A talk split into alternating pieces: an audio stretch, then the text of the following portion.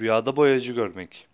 Rüyasında kendisini boyacı olmuş görmek, rüya sahibinin bir suçunu örtbas edebilme yolları aradığına ve bu yolda çok çaba harcadığına veya bir kimseyi aldatmak, duygu ve düşüncesine kapılacağına işarettir şeklinde yorumlanır.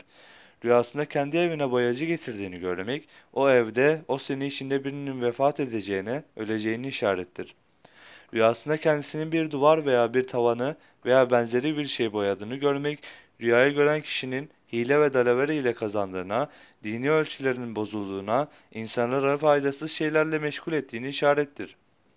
Rüyasında duvarlara resim yaptığını görse, dinini terk edeceğine ve Allah'tan uzaklaşacağını işaret eder.